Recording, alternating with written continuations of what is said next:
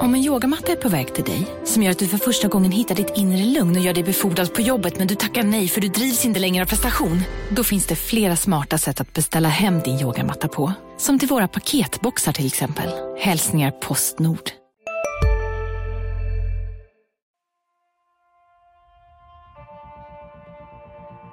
De kan skriva mina citat innan jag ens säger dem. Så Eh, Där har vi en dialog.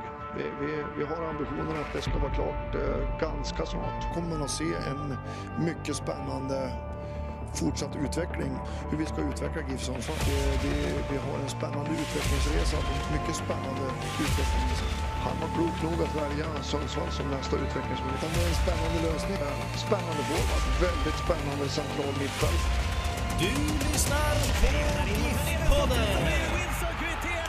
I den 85 matchminuten Peter Wilson. GIF-podden är i anfallskris.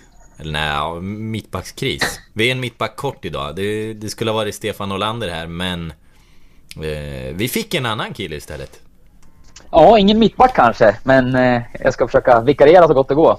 Ja, du är ju spelsmart Oskar, så det, det kanske funkar i alla fall. Ja, jag hoppas det. Det har faktiskt varit några som har hört av sig och velat ha mer Oskar Lund eh, surr nu Ja, när, trevligt. när du har varit borta. Så att eh, så du är väl saknad här? Det är väl ett, ett fint tecken på det? Ja, det är väl, det är väl härligt att höra. Det är, jag sa det förra gången när jag fick eh, chansen att, att komma tillbaka och göra ett gästspel att eh, det vill man göra fler gånger. Man, jag saknar podden och jag lyssnar ju såklart, men man saknar att få vara med och, och snacka med dig. Och det får jag ju idag, så det är jag väldigt glad över. Ja, och jag... eh, Jag får ju säga att du ser ju faktiskt... eh, Du är ju lite mer lik eh, en viss spansk eh, GIF mittback nu. I din nya frisyr. Ja, tack. Ja. Oskar Eh, ja. har, eh, har gått ner på en, på en, på en ordentlig snagg. Exakt. Kan vi väl berätta ja, jag gjorde det innan, eh, innan avresan till Schweiz. Jag har ju lite, lite frisörskräck. Eh, min, min mamma har ju klippt mig i många år. Eh, Som eh, Nu tänkte jag att det skulle vara praktiskt så då, då körde jag så här och ja, det har gått bra än så länge. Vi får se om det, om det får hålla i sig eller om jag eh, kanske låter det växa lite grann igen när jag kommer hem. Men just nu känns det bra. Ja, det, är- det är inte alla som klär i snagg, men det får man säga att det, det gör. Det ska du ha. Ja, tack. Ha med dig det. Det var snällt Ehm, av dig. så kan jag också hälsa till dig från eh, Bosse Börjesson. Jag träffade honom i veckan och gjorde en eh, lång läsning om IFK Sundsvall. Jag såg det och jag har faktiskt eh, sparat den tills idag när jag är helt ledig och eh, har en riktigt lugn dag hemma här i lägenheten. Så att eh, de- den ligger faktiskt framme som en flik på min dator i detta nu. Men eh, jag har inte hunnit läsa mer än ingressen. Men det ska bli superspännande att läsa om Bosse. Det är en, ja, dels är han en stor fotbollsprofil men det är också en eh, väldigt härlig eh, person. Som eh, jag har dels stött på honom i jobbet men också när han jobbade inom fotbollsförbundet som eh, tränare när man var med i lite distriktslag och sådana där grejer. Stötte man på Bosse Börjesson som en duktig instruktör dessutom. Men nu handlar det väl om, hans, om tiden i IFK Sundsvall och deras storhetstid med tanke Ja, på att de har precis. åkt ur division 4. Va? Men han var, det, det var ju intressant att träffa honom. Jag, jag var ju hemma hos Bosse. Eh, vi satt och pratade i ungefär en timme med bandaren på. Eh, sen när den timmen var klar så sa han Men du, ska du inte ha en macka? Och lite kaffe? Och så, och så satt vi en timme till. Ehm, Ja. Jag har Han ju trånga arbetsdagar just nu och han är egentligen inte med det. Men jag, jag tog mig tid.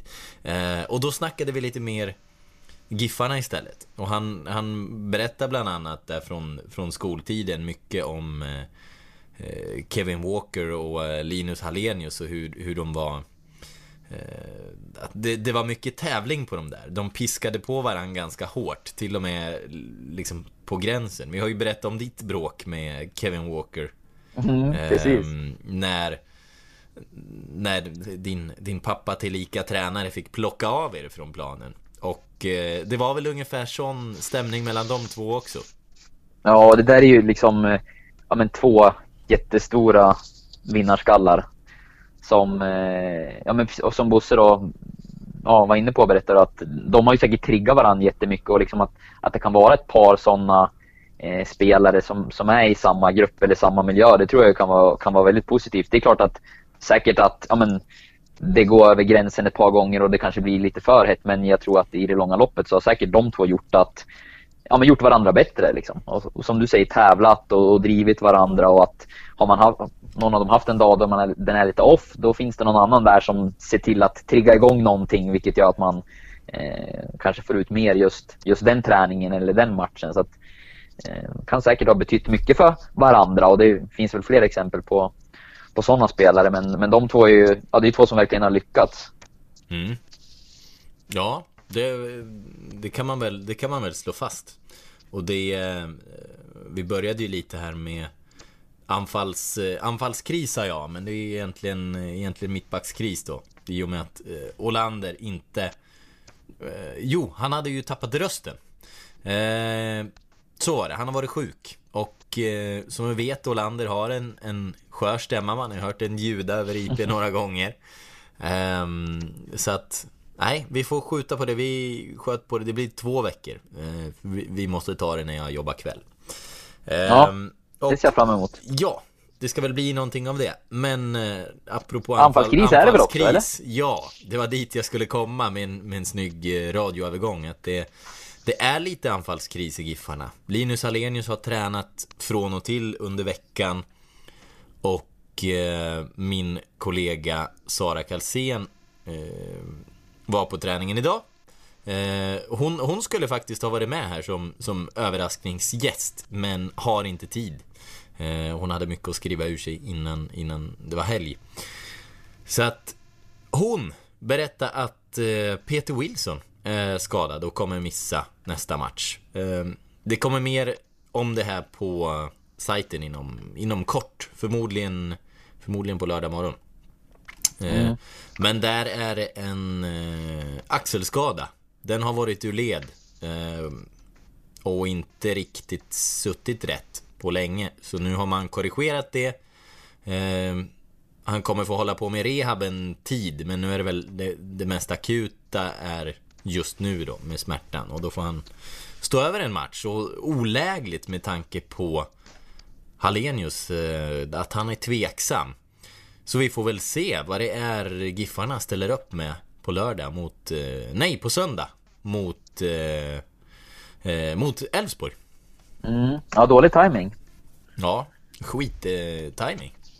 Det kryllar ju inte direkt av anfallsalternativ heller nu. Det känns ju som att Chidio hade kunnat vara ett alternativ om han hade varit hel, vilket han inte är. Och backar vi bandet till säsongstart så fanns ju Samuel Aziz i truppen, vilket han inte gör längre. Och Nej, det är inte så, så många anfallsalternativ kvar. Jonathan Morsey har ju spelat forward i junior, under juniortiden. Mm. Men eh, nu har han ju mest matchat som antingen yttermittfältare eller till och med kommit in som offensiv ytterback i slutet några gånger. Mm. Så att, eh, men han är väl kanske den som har spelat mest anfallare egentligen av de här alternativen som, som finns kvar. Men mm. jag vet inte, Mike Sema bollade du och jag lite snabbt här när vi bara gick igenom kort innan vi drog igång. Eh, det känns ju mest naturligt att de skulle kasta upp ja. honom i en så viktig position. Annars, om man skulle göra ett rakt byte mot någon på bänken. Eh, David Haro. Det är ju en annan typ än Linus Alenius, men... Ja, vad fan, han kan anfalla. Mm. Ja, verkligen. Men det, det, känns ju lite som att de kommer få justera för att de kommer inte ha en, liksom, vad jag tror i alla fall, en, en, en renodlad forward på samma sätt. Utan det kanske blir att de här mittfältarna lite mer får, får växeldra vem som går i djupet och, och, vem som möter och försöka hitta in. Liksom. Det, för någon riktigt utpräglad anfallare, det, det känns inte riktigt som att man har till den här matchen. Nej. Så vi kanske får se ett litet annat GIF Sundsvall än, än, äh, än vad det har varit. Sen man har ju fortfarande många väldigt offensivt skickliga spelare. Ja, men, du nämner ju Har och, och, och Sema till exempel. Liksom, de kan ju såklart eh, utmana en mot en och ta sig in i straffområdet och göra mål. Och det finns ju fler spelare som kan göra det. Men, men ingen tydlig anfallare kanske. Nej. Nej, det blir spännande att se hur de ska hur de ska lösa det här. Allt, mm. allt kan hända. Eh, och Elfsborg är ju ett lag De har spelat med en anfallare om jag inte är fel ute. Det har väl varit Chinedu och Basi. Som nu är borta, avstängd. Just det. Vill jag lägga på min... Jo men, jo men så måste det vara. Ja, han är avstängd. Och i så fall... Eh, I så fall ställer ju det... Eller ställer till det lite. Då, då tror jag att det är troligt dessutom att Giffarna kör eh, 4-1, 4-1. Eller att man, att man lämnar det här med eh, trebacks, fembacks eh, mm. linje just för att få med en extra spelare i eh, anfallet. Ja, det är nog inte omöjligt, kanske framförallt när man när man tvingas eh, ja, precis, vrida om här med, utifrån forward-situationen. Det, det jag tänker på lite med de här spelarna som, som kan komma in, om det blir 4-1, 4-1 eller, eller om det blir något annat, i vilket fall, man tappar ju fysik, både liksom, ja, men framförallt Linus Alenius, men, men även Peter Wilson är ju en större spelare än eh, Sema, ha, Haro, eh, ja men beroende på vad som händer med, med Morre, om han är ett alternativ att spela, Berg likadant. Alltså alla de här, eh, det är ju det är ju små eh, kvicka spelare liksom. Men det är, det är kanske ingen man sätter upp en, en höjdboll mot och hoppas att de ska kunna ta emot den och, och få fast den liksom. Men du, ska vi lansera, ska vi lansera två jokrar då?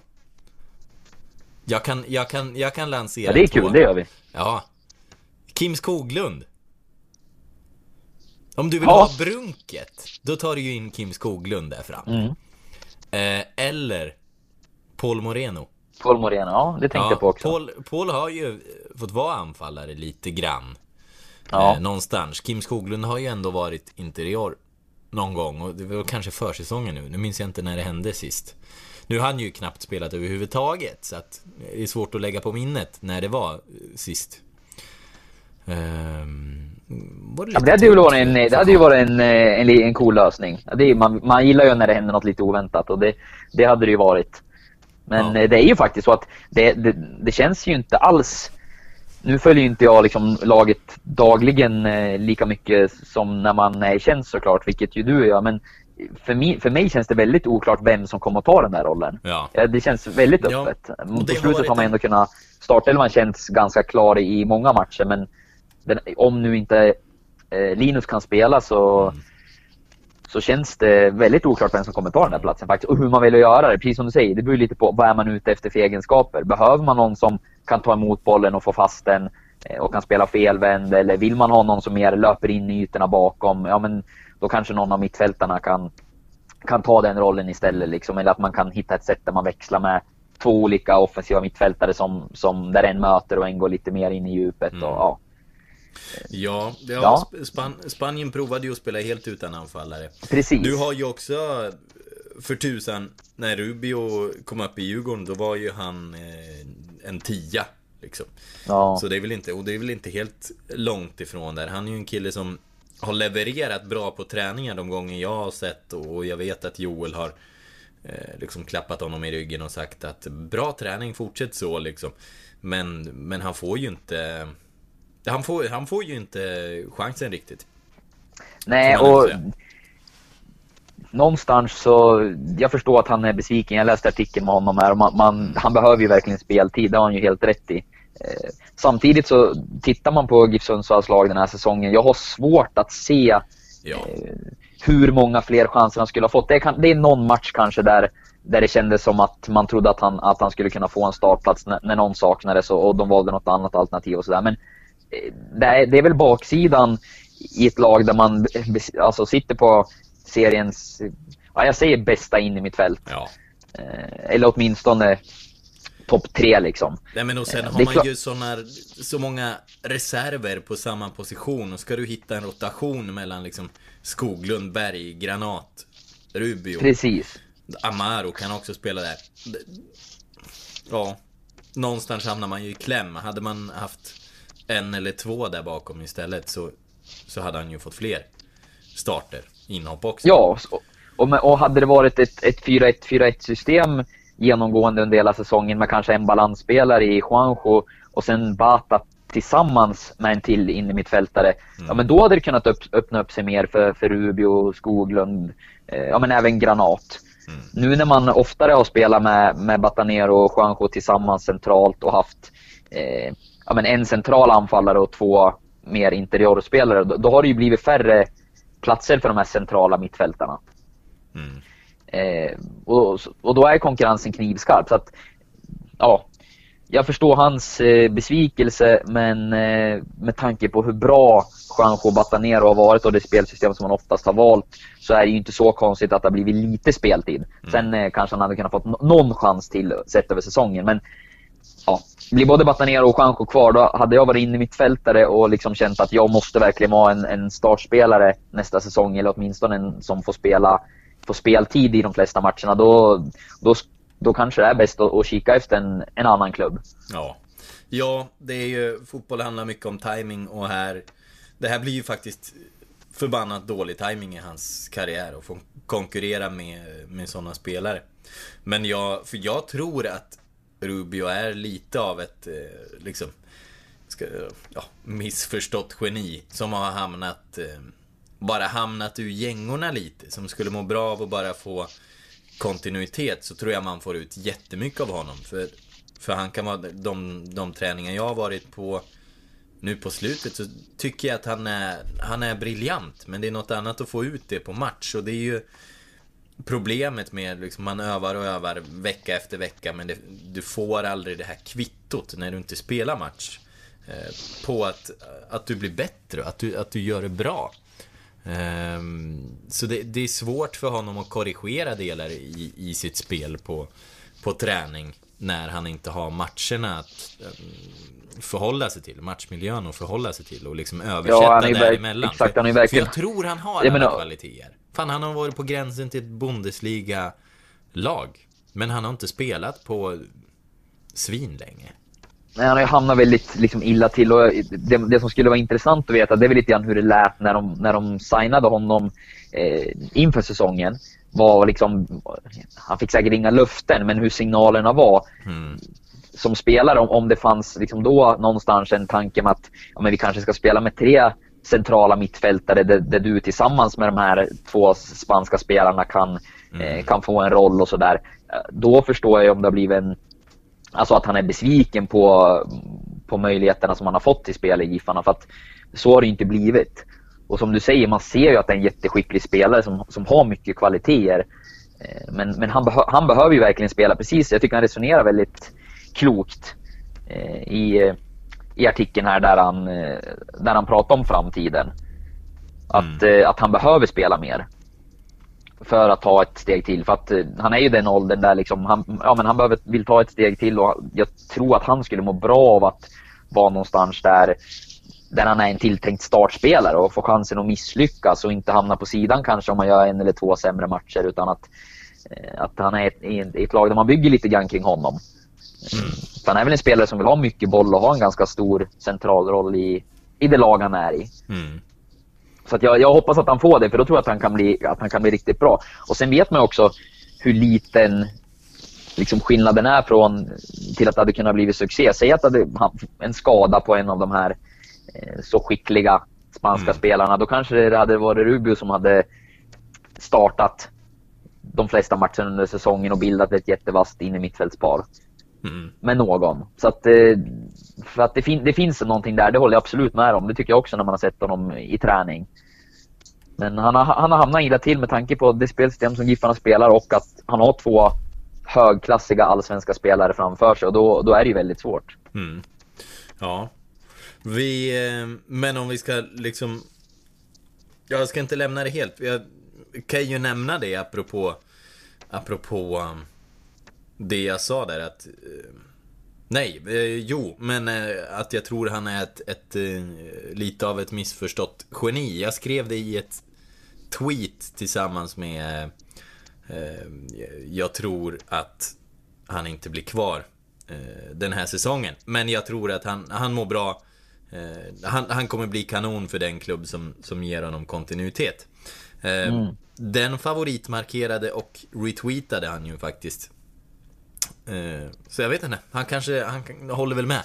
Det är klart, ja, det, det, är ju en smörjning Förmodligen är att du, att du skrev att han var ett missförstått geni i alla fall. Det hade väl de flesta hållit med om. Insparkad öppen dörr. Så att, eh, ja. Nej, men just, jag hade faktiskt inte sett den tweeten, men just det där med kontinuitet för hans del. Jag, jag tror verkligen att få han en roll där liksom han känner att det här mittfältet, eh, här, har, här är jag viktig, här ska jag spela och liksom våga misslyckas och precis som du säger varje vecka få testa eh, sin, eh, sina kvaliteter i match också. Så det kan bli en riktigt bra eh, spelare. Det är ju redan en bra fotbollsspelare, men det kan bli en riktigt bra fotbollsspelare av det här om han får fortsätta utvecklas någonstans där man verkligen satsar på honom. Eh, det hade varit intressant att sätta honom kvar i Giffarna och liksom matchas in lite mer och mer och ta steg. Men så länge Batanero och Juanjo är där och man spelar på det sättet man gör, då, då kommer man ju ha svårt att, att slå sig in i laget, så är det ju. Mm. Ja. Men eh, Oskar, vi, vi måste ju lansera vad vi faktiskt tror. Hur tror vi här att Giffarna kommer ställa upp i anfallet? Nu, Hallenius, vi, vi säger det, Hallenius och Wilson eh, inte alls är med i nästa match. Hur kommer de ställa upp? Eh, tror. Nu ska man försöka sätta sig in i huvudet på tränarteamet i Giffarna. Om vi, ja, och om vi, eh, om, om vi går på senaste elvan, då var ju, Hallenius var ju redan borta. Men då var det ju ett, om vi skulle säga ett eh, eh på, på en 3-4-3 så i mittfältet Myrestam, Juanjo, Batanero, Tamimi Berg, Wilson, Sema i eh, anfallet. Precis. Du plockar bort Wilson nu. Vem stoppar du in? Nej, men jag, jag tror väl då att eh, David Haro som kom in först eh, gjorde han väl i den matchen av inhopparna och eh, gjorde dessutom mål. Eh, visst var det så? Jo. Ja. Eh, att han kommer in från start och att man kanske då petar upp Mike Sema ett snäpp i banan. Men på något sätt ett system som, som kanske inte är en roll, alltså hans anfallsroll kommer inte se ut exakt som eh, Linus Alenius eller Peter Wilson Nej. såklart. Men eh, jag tror nog att det är det mest troliga alternativet. Ja. Ja. Du då? Ja, det är nog det mest troliga. Det är, det är ju det kloka alternativet. Så jag lanserar väl ett eh, mer spännande alternativ. Mm. Eh, mycket mindre troligt. Men, eh, men spännande. Jonathan Mordsey, in med honom. Ja. Rakt, rakt byte med Wilson. Vi var ju inne på det. Han har ju varit forward och gjort ja. väldigt många mål som, som junior. Så att, det, hade varit, det hade varit kul. Ja. Och jag tycker att han förtjänar att få lite chanser han med. Vi pratade om, eh, ja, alldeles nyss om Rubio som kanske då borde ha fått några chanser till, även om, om det har varit tufft, förstår jag, efter han har matchat in honom. Men Morsey är ju en annan sån där som man... Han har ju också haft det tufft med speltiden i år. Mm. Det vore väl kul om han fick en match eh, som anfallare och se vad han går för där. Mm.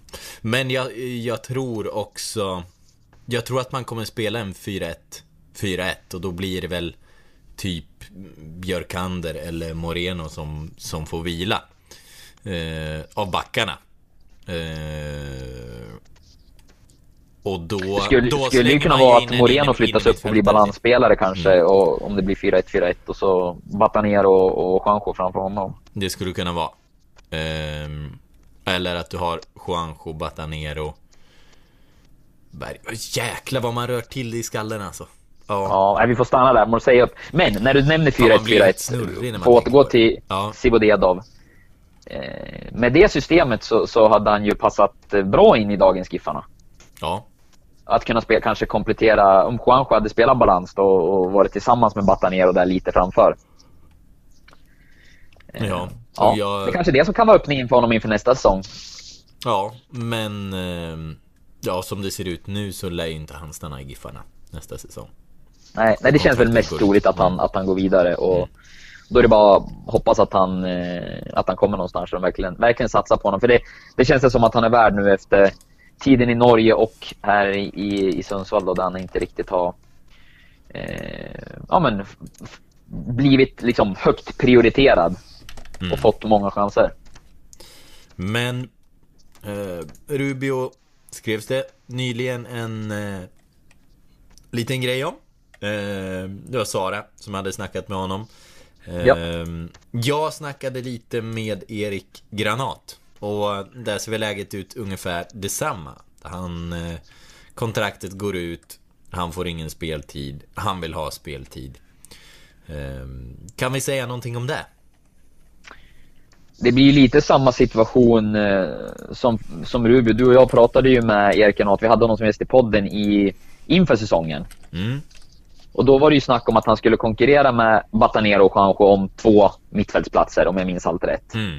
Eh, sen blev det ju inte riktigt så. Det kom in fler spelare och konkurrensen blev ännu tuffare och dessutom så visade det sig att Batanero och Juanjo var så pass bra ihop som, eh, ja, som de har varit. Då. Eh, och han har ju verkligen hamnat i en, i en jobbig situation och varit skadedrabbad. Och liksom det är inte bara en säsong nu som, som det har varit lite speltid för, för Erik han, Det kändes som att han slog igenom och, och tog sig in i, i, laget och fick många chanser. Var en spelare som Joel trodde mycket på. Och sen har det kommit skador och så den här tuffa säsongen. Då. Så att han behöver, precis som Rubio, han behöver spela matcher. Mm. Och där är ju inte Giffarna någon optimal miljö just nu. Vi har pratat om det tidigare. Man har inget U21-lag. Eh, det blev inte så många träningsmatcher som, som det var snack om, som jag minns det under våren när man berättade att man inte skulle ha ett lag i U21-serien. Eh, så att matchtillfällen har ju blivit otroligt få för många av de här spelarna och det är ju inte bra. Nej. Jag såg att Joel Cedergren, det var du som hade pratat med Joel om det här med matchmiljön, att den är kanske är överskattad. Ja, precis. Eh, jag kan väl förstå vad man menar. Det är klart att det är av träning varje dag som, som du utvecklas mest. Liksom. Men jag tror absolut att man behöver matchtillfällena mm. eh, för att ta steg som fotbollsspelare. Så att mm. jag, jag håller inte oj, riktigt oj, oj. med Joel i, i det resonemanget nu, som han förde där. Jag vet inte hur det blir nu för, för lyssnare, men du eh, lät som en robot här. Jag hoppas... Ja, det var synd. Ja, det gör det fortfarande. Det här är inte bra.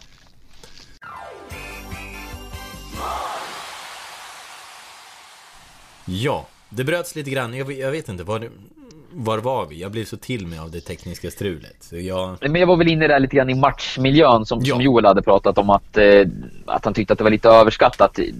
Jag vet, jag vet inte exakt liksom, hur, hur pass överskattad han tyckte matchmiljön var. Det, det är möjligt att den är det till viss del, men jag tror att den är vital för en, en fotbollsspelare att ta steg. Att man, att man får spela match vecka in och vecka ut. Att man får mäta sig mot andra. Att man liksom, men både för, inte minst mentalt när man är inne i matchspel, att man, att man växer av det.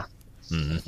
Jag, jag, jag, tror absolut att det behövs och där, jag tycker inte att GIF Sundsvall har hittat en optimal miljö för en optimal utvecklingsmiljö. Nej. Eh, haha. För, eh, för alla spelare den här säsongen och det tror jag att man behöver se över och där är ju både Rubio Sivadedo och Erik Granat två tydliga exempel på det. Mm. Två spelare som behöver mer speltid nästa år. Och om det är i form av utlåning, eh, U21-spel eh, eller klubbyte, det är, det är inte jag så säker på vad jag tycker är bäst för, för var och en av dem. Men, men på något sätt spela fler matcher, det tror jag är ett måste för dem. Ja, och jag, eh, som, som han var inne på då, Joel, om jag ska tala i hans ställe, så vore det mest optimala om eh, U21-matcherna spelades samma dag som A-lagsmatcherna så man ändå kan förlägga träningsveckan så på, på samma sätt för alla spelare. Och då blir det ju en fråga för högre ort att ta ställning till. Um, det blir ju för förbundet helt enkelt. Hur, hur vill ja. man lägga upp serierna? Men uh, det kanske är att man, man ska köra på en ren Eh, liksom reservlagsserie där, ja men nu får vi iväg med, med 40 killar istället för 20 eller så. Och så spelar man, ja men ska Giffarna möta Elfsborg i Borås nu, då får U21 också möta Elfsborg i Borås. Eh, det kanske, det kanske är så man ska arbeta, jag, jag vet inte. Mm. Men, Nej, men det resonemanget kan jag, kan jag förstå, för att som tränare, det är klart att när han sitter och gör upplägget för veckan, är det liksom 6-7 spelare som ska spela U21-match en dag när, när, han upplever att A-truppen behöver ha liksom en, en viss belastning eller en viss typ av träning, mm. då, då, blir det inte bra. Och de kan inte träna på ett tufft pass på morgonen och sen spela en match på kvällen. Så att, eh, och det är resor och sådär. Så att, nej men jag förstår ju problematiken såklart. Eh, och det där, det exemplet, eller det förslaget att spela samma dag hade kanske varit optimala för klubbarna på så vis. Sen, sen mm. finns det säkert en massa andra praktiska detaljer som kanske skulle göra att det var, att det var krångligt. Men mm. Men det, det låter ju som ett rätt bra förslag ja. utan att ha satt sig in det minsta i vad det skulle innebära ja. rent logistiskt. Och... Ja, för jag, jag, tror att det blir dyrt. För U21-lag, du har inte dem så att de sover kvar och U21-serierna är ju inte... Det är ju flera serier som är lite lokalare. Du åker ju inte till Malmö förrän det är slutspel liksom och spelar match. Exakt. Eventuellt. Och, så det skulle ju vara en, en väldigt dyr serie att delta i. Men ja. eh, jag vet inte, ja det beror på. Vad ska man använda de här eh, miljonerna till nu som de får i, i TV-pengar? Det här skulle ju kunna vara någonting faktiskt, eh, liksom en stor fråga för svensk fotboll. Var du än är och vad du än gör så kan din dag alldeles strax bli lite hetare. För nu är Spicy Chicken McNuggets äntligen tillbaka på McDonalds. En riktigt het comeback för alla som har längtat. Hej, Synoptik här. Så här års är det extra viktigt att du skyddar dina ögon mot solens skadliga strålar. Därför får du just nu 50% på ett par solglasögon i din styrka när du köper glasögon hos oss på Synoptik. Boka tid och läs mer på synoptik.se. Välkommen! Det kanske är många talanger man skulle rädda upp. Och då kanske det mm. är värt det, de här eh, tv-pengarna. Att eh, skapa en, en professionellare reservmiljö. Jag vet inte. Ja, varför inte? Um, och det är ju ungefär av den här anledningen att det skulle göra hål i träningsveckorna som man inte heller då vill samarbeta med, med Hudik eller med Timrå. Ehm, så det är ju också synd. Så det, det är ju, just nu är alternativet allt eller inget liksom. Mm. Ja, nej, och det, det, jag, det kan jag dock tycka att just det här med utlån borde kunna vara lite enklare att lösa med tanke på att i de där serierna så är det ju ganska ofta eh, helgmatcher. Eh, och spontant känns det som att det borde vara bättre än veckomatcher då, då de oftare tränar på, på vardagar och det inte kanske skulle förstöra veckan på samma sätt. Plus mm. att det kan handla om färre spelare. Har man ett u lag är man ju någonstans tvungen att fylla upp det. Eh, ja. Vilket skulle göra att kanske fler spelare från A-laget skulle delta i match där. Sådana som har suttit på bänken eller ja, och så vidare. Men i, i, i, när det gäller ett utlån då kan man ju faktiskt ta ett beslut om att ja, men just de här två spelarna behöver verkligen matchmiljö och kommer inte få spela mycket. Eh, och så Det finns ju möjligheter där att man kan, som jag har förstått det, då, tillhöra eh, två klubbar. Eh, att spela matcher någonstans men ändå liksom vara tillgänglig för Giffarnas matchmiljö. Och, mm. och, Då skulle man ju också kunna ta beslut varje vecka att ja, men den här veckan passar inte bra. Och Då kanske man får plocka tillbaka en sån spelare. Om det går att hitta den överenskommelsen med, med en annan klubb. Så att, eh, jag tycker någonstans att jag förstår ju det, det han säger och det finns problematik men visst borde det gå att eh, ge några av de här spelarna matchtid under säsongens gång mm. eh, i en annan miljö. Det, det, tycker jag verkligen. Ja, de behöver få de här kvittorna helt enkelt. Absolut. Um, och um, nej, ja och granater får vi säga. Det är, det är tråkigt hur det har blivit. Jag, jag gillade honom och det, det var en fin grabb liksom. Men, men det ser ju faktiskt ut som att han inte blir kvar. Och då får väl han, då, då, får han gå ner någon division och börja om. Mest sannolikt, för han har ju inga färska meriter att gå på. Nej, och som, han har ju sin skadeproblematik och han skulle ju behöva få spela. Samtidigt har han ju visat i Allsvenskan att han är en duktig spelare, så jag, jag tror det borde kunna finnas ett rätt eh, stort intresse om vi pratar typ Superettan. Eh, mm. Att få komma ner och, och, eh, och göra bra prestationer där. Sen om det handlar om att förlänga med Giffarna och sen gå på, på ett utlån eller, eller om det är en permanent övergång, det får vi väl se. Ja.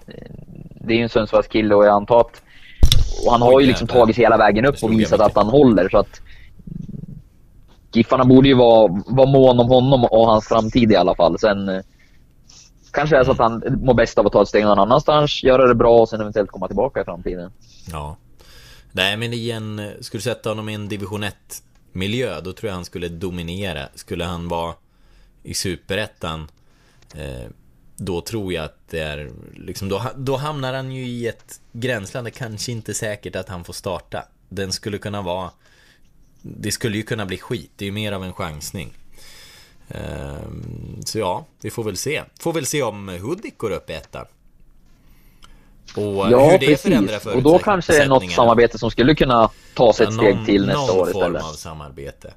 Men... ehm, för, för...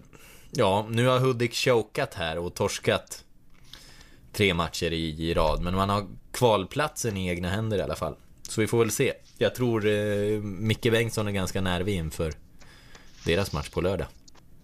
Ja, jag är inte helt uppdaterad på dem mer än att jag såg att de hade, jag- att de jag hade torskat på där. Men vi, vi håller väl tummarna för dem. Det vore bra för fotbollen i regionen om de tog steget upp. Och det är ju mitt, det är ju mitt lag. Dessutom. Ja. Men... ehm, ja, vad har vi... eh, Jo, men apropå mer, lag. Oskar? Ja. Ett, eh, ett, eh, ja det är väl ingen målvakt med i och för sig, men ett, ett, ett lag, ett, eh, ett utespelarlag åtminstone med, med toppspelare i Allsvenskan har vi det ju här är trillat din över. första radioövergång. Ja, Det är när man kollar på historia. statistik åtminstone. Mm. Det är eh, 12.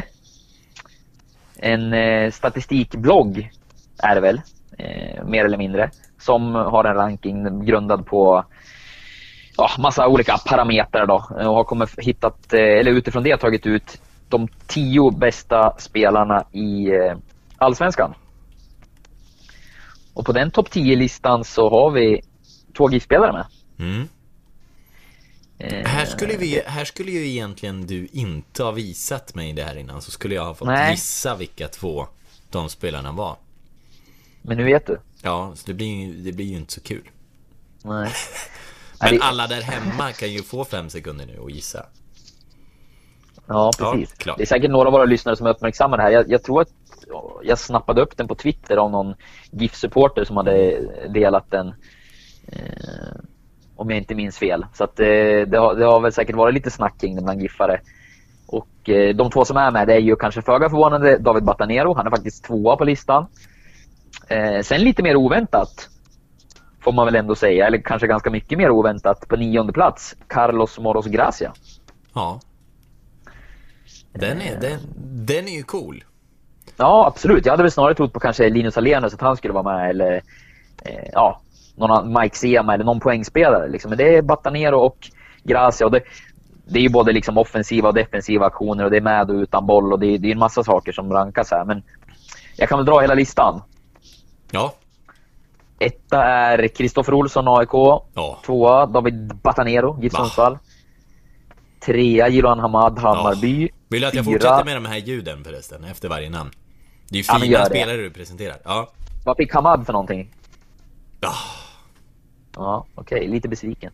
Eh, fyra, Björn Paulsen, Hammarby. Åh. Femma, Paulinho, Häcken. Mm. Mm.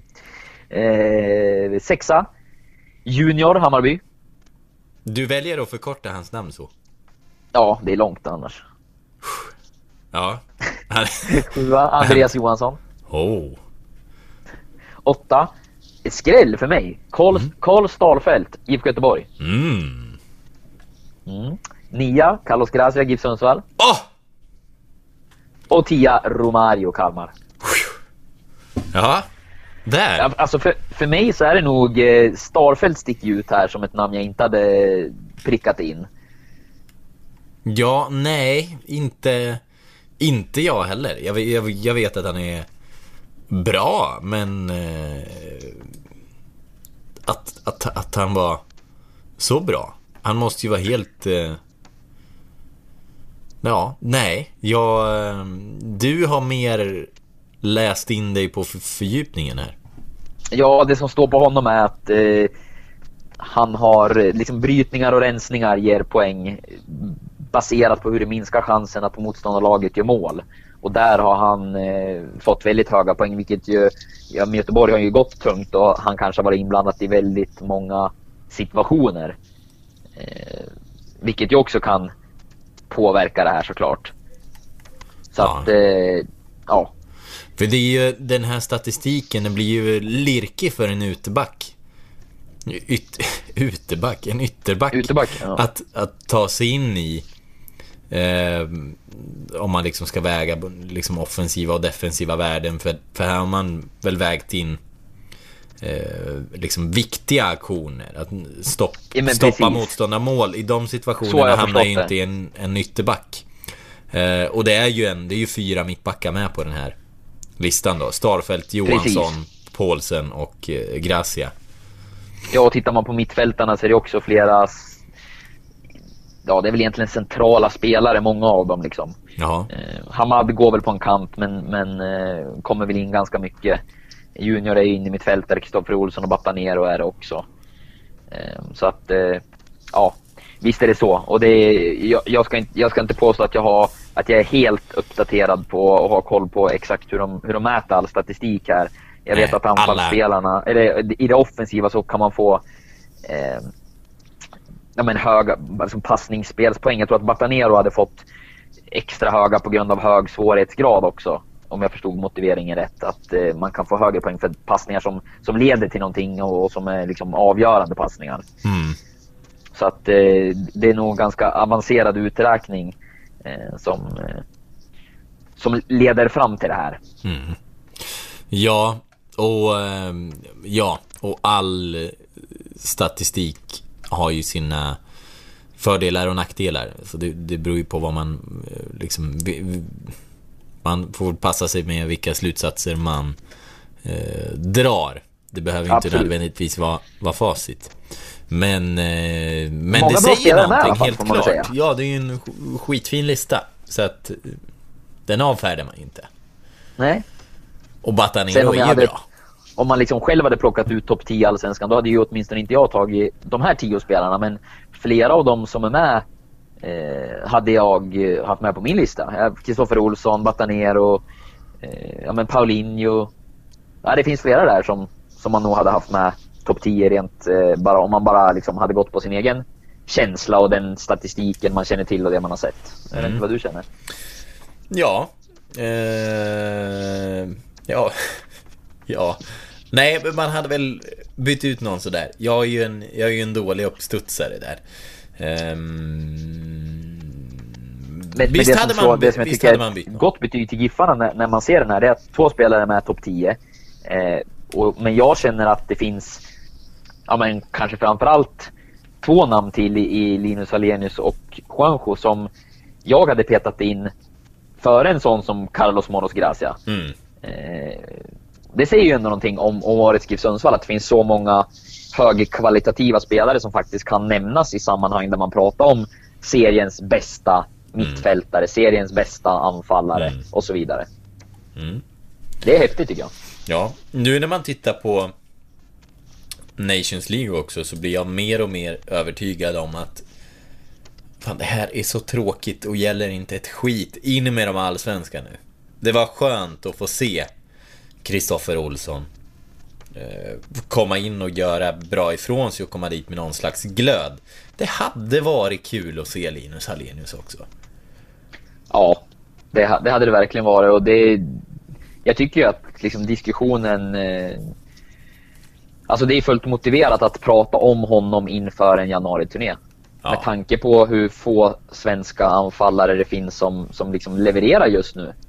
Eh, Och där är ändå han en, en spelare som har, han har dels har han ju erfarenhet av en, av en hög nivå och har varit liksom utomlands och känt på Även om det inte blev ett lyckat äventyr så har han ändå varit i en Serie A-miljö tidigare och han har eh, liksom tagit sig tillbaka från, eh, från en tuff tid och, och nu dominerat i Allsvenskan.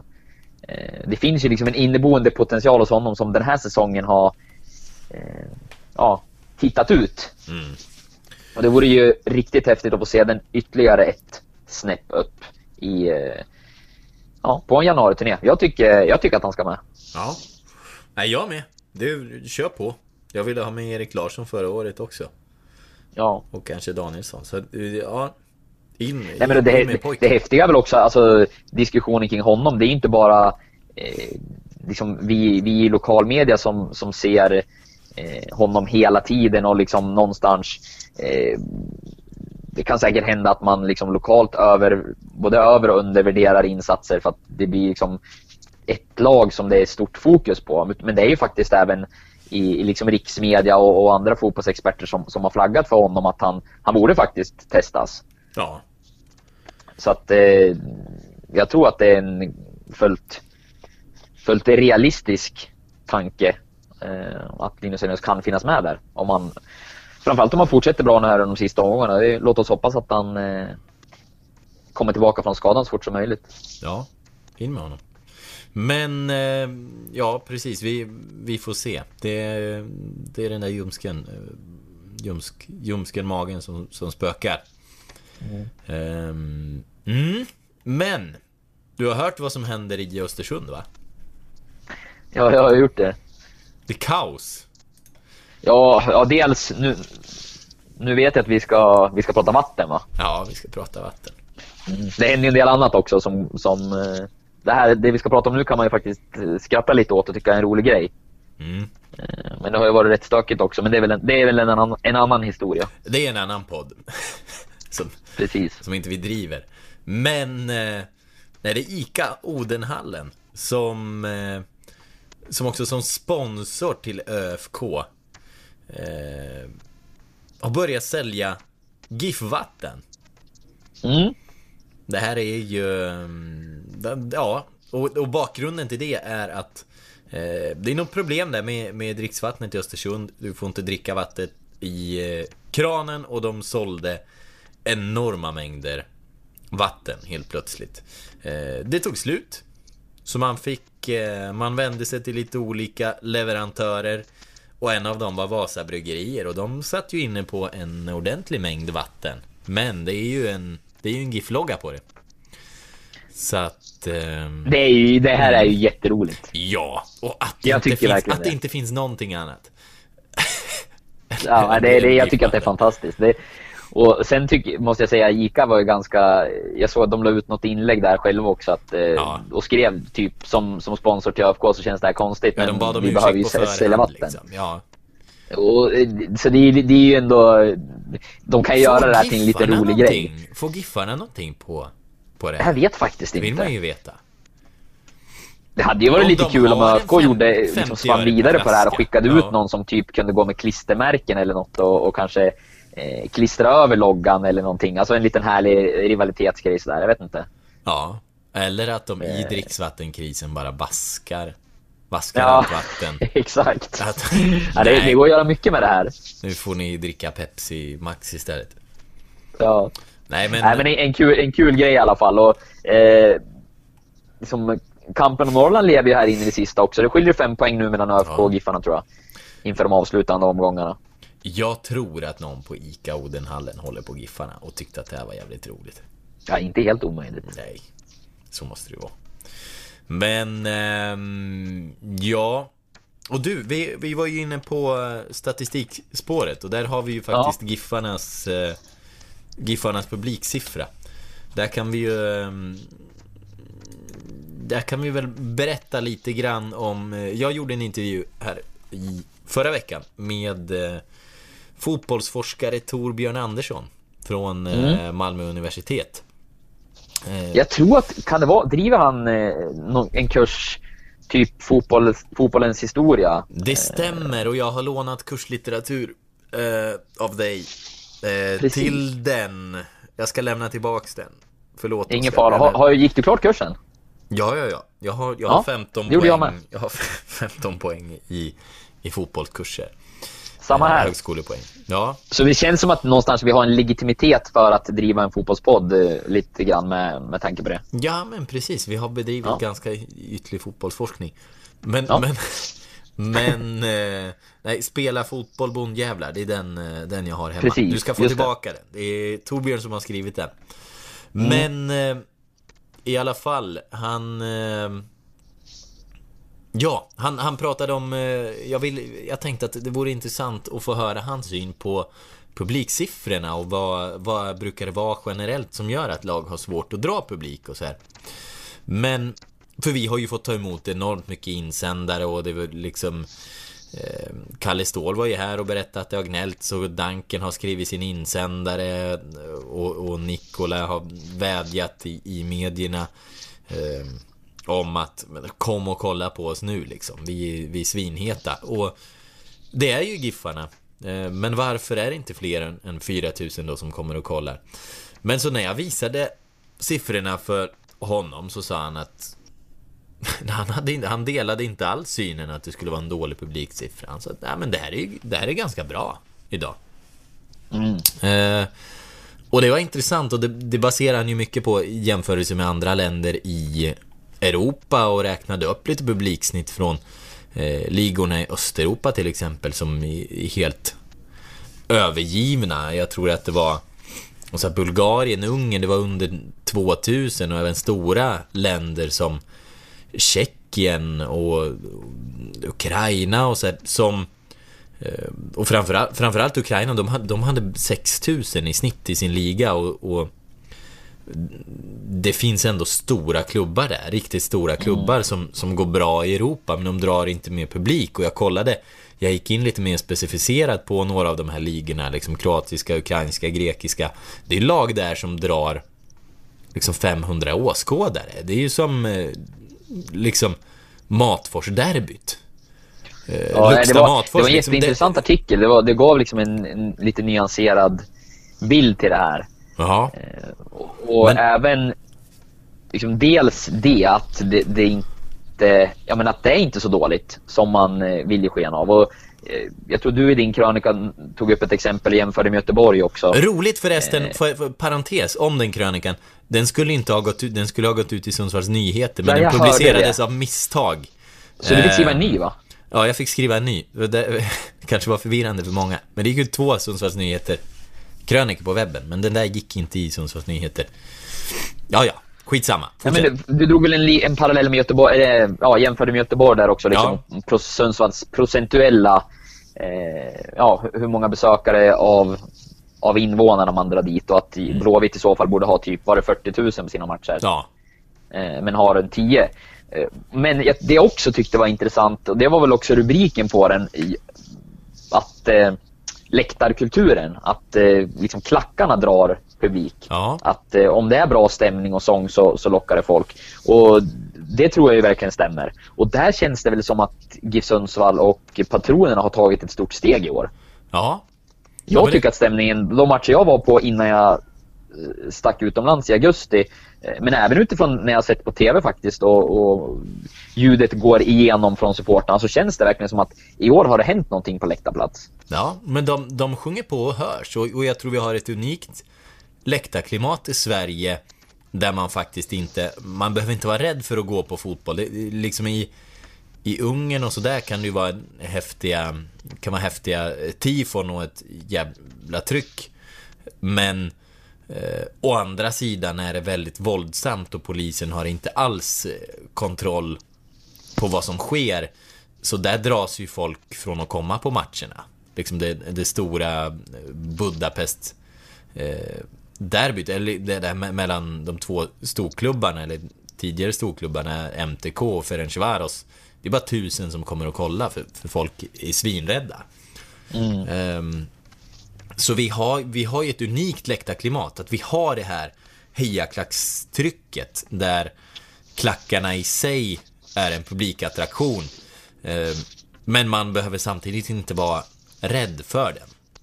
Nej, precis. Och det, det är ju någonting att vara väldigt, eh, inte vara rädd för, men vara rädd om och mm. vårda. För att eh, jag tror att det är superviktigt för, för svensk fotboll att, eh, att det finns en levande liksom, läktarkultur och, och att man, att man, eh, ja, men att man tar hand om sina supportrar. Ja. För det, det är någonting som, eh, som kommer vara ja, men väldigt viktigt. Man är inne på den här trenden med att ja, men med tv och det tappas mm. publik och sådär. Och ja, för det, det är det som är orsaken till det, generella publiken. Ja, men att låta läktaren leva. Mm. Ja, det, för det kommer ju aldrig... Liksom, vi får inte läktarkänslan genom tvn och, och det är väl det som... Det är väl det som är USPen för att, för att vara på plats på arenan. Det är, det är kanske inte hamburgarna och det här utan det är det som händer på, på läktaren liksom. Mm. Och det är möjligt att eh, klubbarna ska börja fokusera. Vi har ju pratat mycket om olika lösningar. Jag menar att det måste vara ett mervärde att gå. Det ska vara bra internet och liksom maten och drycken och bekväma platser och repriser och sådär. Det är ju säkert en del. Jag menar, eh, det ställs höga krav på allting kring en elitmatch i vilken idrott det än är idag. Eh, så det är klart att det måste funka bra. Men det kanske är så att klubbarna ska börja fokusera ännu mer på att se till så att stämningen blir så bra som möjligt. Vad kan klubben hjälpa supportrarna med? På vilket sätt kan de vara med och se till att trycket och liksom eh, livet på arenan blir ännu bättre? Det, det är kanske den vägen snarare som, som klubbarna ska gå. Ja, ja, kanske liksom samverka ännu mer med klacken. Hur kan vi eh, kan vi hjälpa er med tifon nästan. Nej men förbättra ja, men förutsättningarna. Ja, hur kan vi göra akustiken här så bra som möjligt så att, så att ni hörs liksom? Eller hur eh, kan vi placera er på, så att ni hörs? Såna, det kanske är sådana grejer man, man måste titta på. Eh, eller liksom hjälpa, bara göra det bekvämt och ta, ta sig till, till klacken. Ja. Precis, och det liksom förmånliga priser för supportrar och så vidare. Och det, det pågår en diskussion och den är väl aktuell nu med tanke på Mats Gren och IFK Göteborg. Där det kom fram liksom dialogen med, med olika falanger som kanske, eller som ifrågasattes. Eh, och liksom, ja, den diskussionen pågår ju också. Hur mycket, hur mycket dialog ska man ha med supportrar och med, med grupper som, som inte sköter sig fullt ut och sådär. Men, men det är ju någonstans en, en annan diskussion att, eh, att hjälpa de supportrar som sköter sig på ett bra sätt och som bidrar mm. till att eh, ja, men till att dels hjälpa laget med sitt stöd men också att eh, dra folk till arenan för att det är bra stämning. Det är det, efter att ha läst både din krönika och den artikeln så det, det var liksom den delen som, som jag började fundera lite på att mm. eh, där kan nog klubbarna steppa upp ja. Eh, och, och göra ett ännu bättre jobb och det är kanske något som de borde fokusera på. Eh, jag har inte full koll på allt jobb som görs kring de delarna i Giffarna. Det, det gör säkert en del jobb, men jag tror nog att det kan göras ännu mer och att det skulle kunna bidra till ännu finare publiksiffror framöver. Ja, och jag tror det är liksom att, att uppmärksamma bra aktioner från supportrarna när man hade det här eh, inför ÖFK-derbyt där de kom till träningen och hade tifo på träningen. Mm. Att ha den typen av grejer där man kan framhäva liksom vilken skön klack vi har och vi älskar dem. Det tror jag, det tror jag drar åskådare i så fall. Och det kanske är, ja, det kanske är smart att göra det billigare och, och stå i klacken. För det, det är kanske så här, ja, du kanske förlorar, du kanske förlorar lite pengar kortsiktigt, men eh, nu vet jag inte vad det kostar. Och, och ställa sig Nej, jag har inte heller, vi, vi jag har, har inte heller koll på biljettpriserna där. Eftersom men... vi hamnar på pressläktaren liksom. Men, men, men man, man kanske förlorar lite kortsiktigt på det. Även om det, det är fler som eh, dyker upp på plats. Men å andra sidan kanske klacken i sig ja, drar eh, några extra åskådare som betalar eh, full pris på någon annan, något annat ställe på arenan. Exakt. Och det är ju det läste jag också någonstans att eh, tomma arenor generellt skrämmer ju bort folk eh, mer. Det är bättre att, eh, bättre att fylla en eh, liten arena än att ha en stor arena som är, som är halvfull eller kvartsfull. Eh, för, det, för, för då får man inte den här stämningen och då är det större sannolikhet att man inte kommer tillbaka nästa gång. Ja, nej men det känns fullt rimligt. Det vet man själv när man kommer, kommer in på en match där det ekar tomt på läktarplats. Det är inte speciellt. Eh, ja, det, då är det bara någonstans bara spelet liksom. Och. Eh, upplevelsen av att vara där blir inte lika stor. Men det är bara att kolla på landskampen senast. Eh, det måste ju ha varit Ja, jag vet inte. Jag tror inte att de som var där och såg Sverige spela, hur många åskådare var det? 10 000? Ja, jag tror officiella siffran tror jag blev 9. Ja, det var nog, där var det nog inte så många som kände wow, nästa landskamp måste jag på. Nej. Nej, precis. Det var nog, ja, var det, var det bara det här? Ja. Vad fan. Ja, jag, jag har svurit ja. mycket i den här podden. Tror jag. Mycket fan och jävlar ja. och sånt där. Men, eh, ja. Det, ja men du sa att du var trött innan och jag tycker inte att det lyste igenom i alla fall. Så du har, du har gjort det bra. Ja, jag... Svordomarna till trots. Ja, svordomarna till trots. Men jag ska... Um, jag, jag, tror vi ska, vi ska börja runda av, Oskar. Mm. Um, vi hade planerat... Jag ska iväg och handla här, så det, det, det passar rätt bra. Ja, vad, vad handlar man i... Har du anammat något typiskt schweiziskt än? Alltså det finns ju det finns mycket, många goda ostar här, det måste jag säga. Ja. Det, det har jag ju provat på. Och, och, lite ost ska jag väl köpa idag. Men eh, jag ska, jag ska vara på Coop, så att det är inte något jätterevolutionerande på gång. De har Coop. Coop Schweiz. Jajamän. Heter den så? Coop. Coop, eh, ah, Va? Försvann vet jag nu? inte. Coop. Försvann jag nu? Det ringde här. Jaha. Eh, Ja, det är Coop, bara att lägga på. Aldi, Migros. Det är tre av matbutikerna som finns här i närheten. Så att eh, någon av dem blir det. Jag har inte bestämt. Jag tror att det blir Coop. Men eh, inte 100%. För att få in den här Sverigekänslan. Kan du låtsas? Du kan blunda och låtsas att det är eh, Coop-katten uppe på kuben. Ja. Jag plockar ner havregrynen från hyllan och, och, och tänker på dig. Ja. Gör det. Det är, det är mycket havregryn nu. Det, så är det. Ja, det är bra.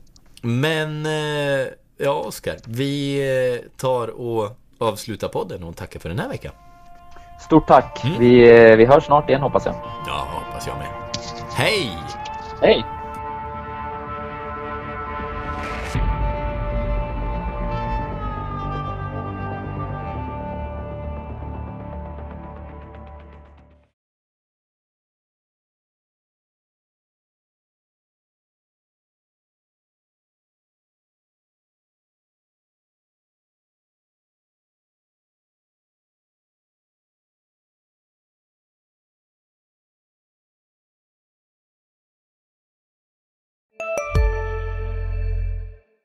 Välkomna sommaren med att...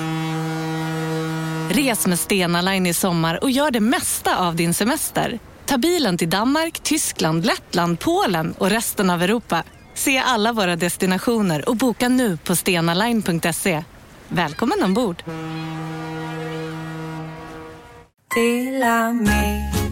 Hej! Är du en av dem som tycker om att dela saker med andra? Då kommer dina öron att gilla det här. Hos Telenor kan man dela mobilabonnemang. Ju fler ni är, desto billigare blir det. Skaffa Telenor familj med upp till sju extra användare. Välkommen till någon av Telenors butiker eller telenor.se.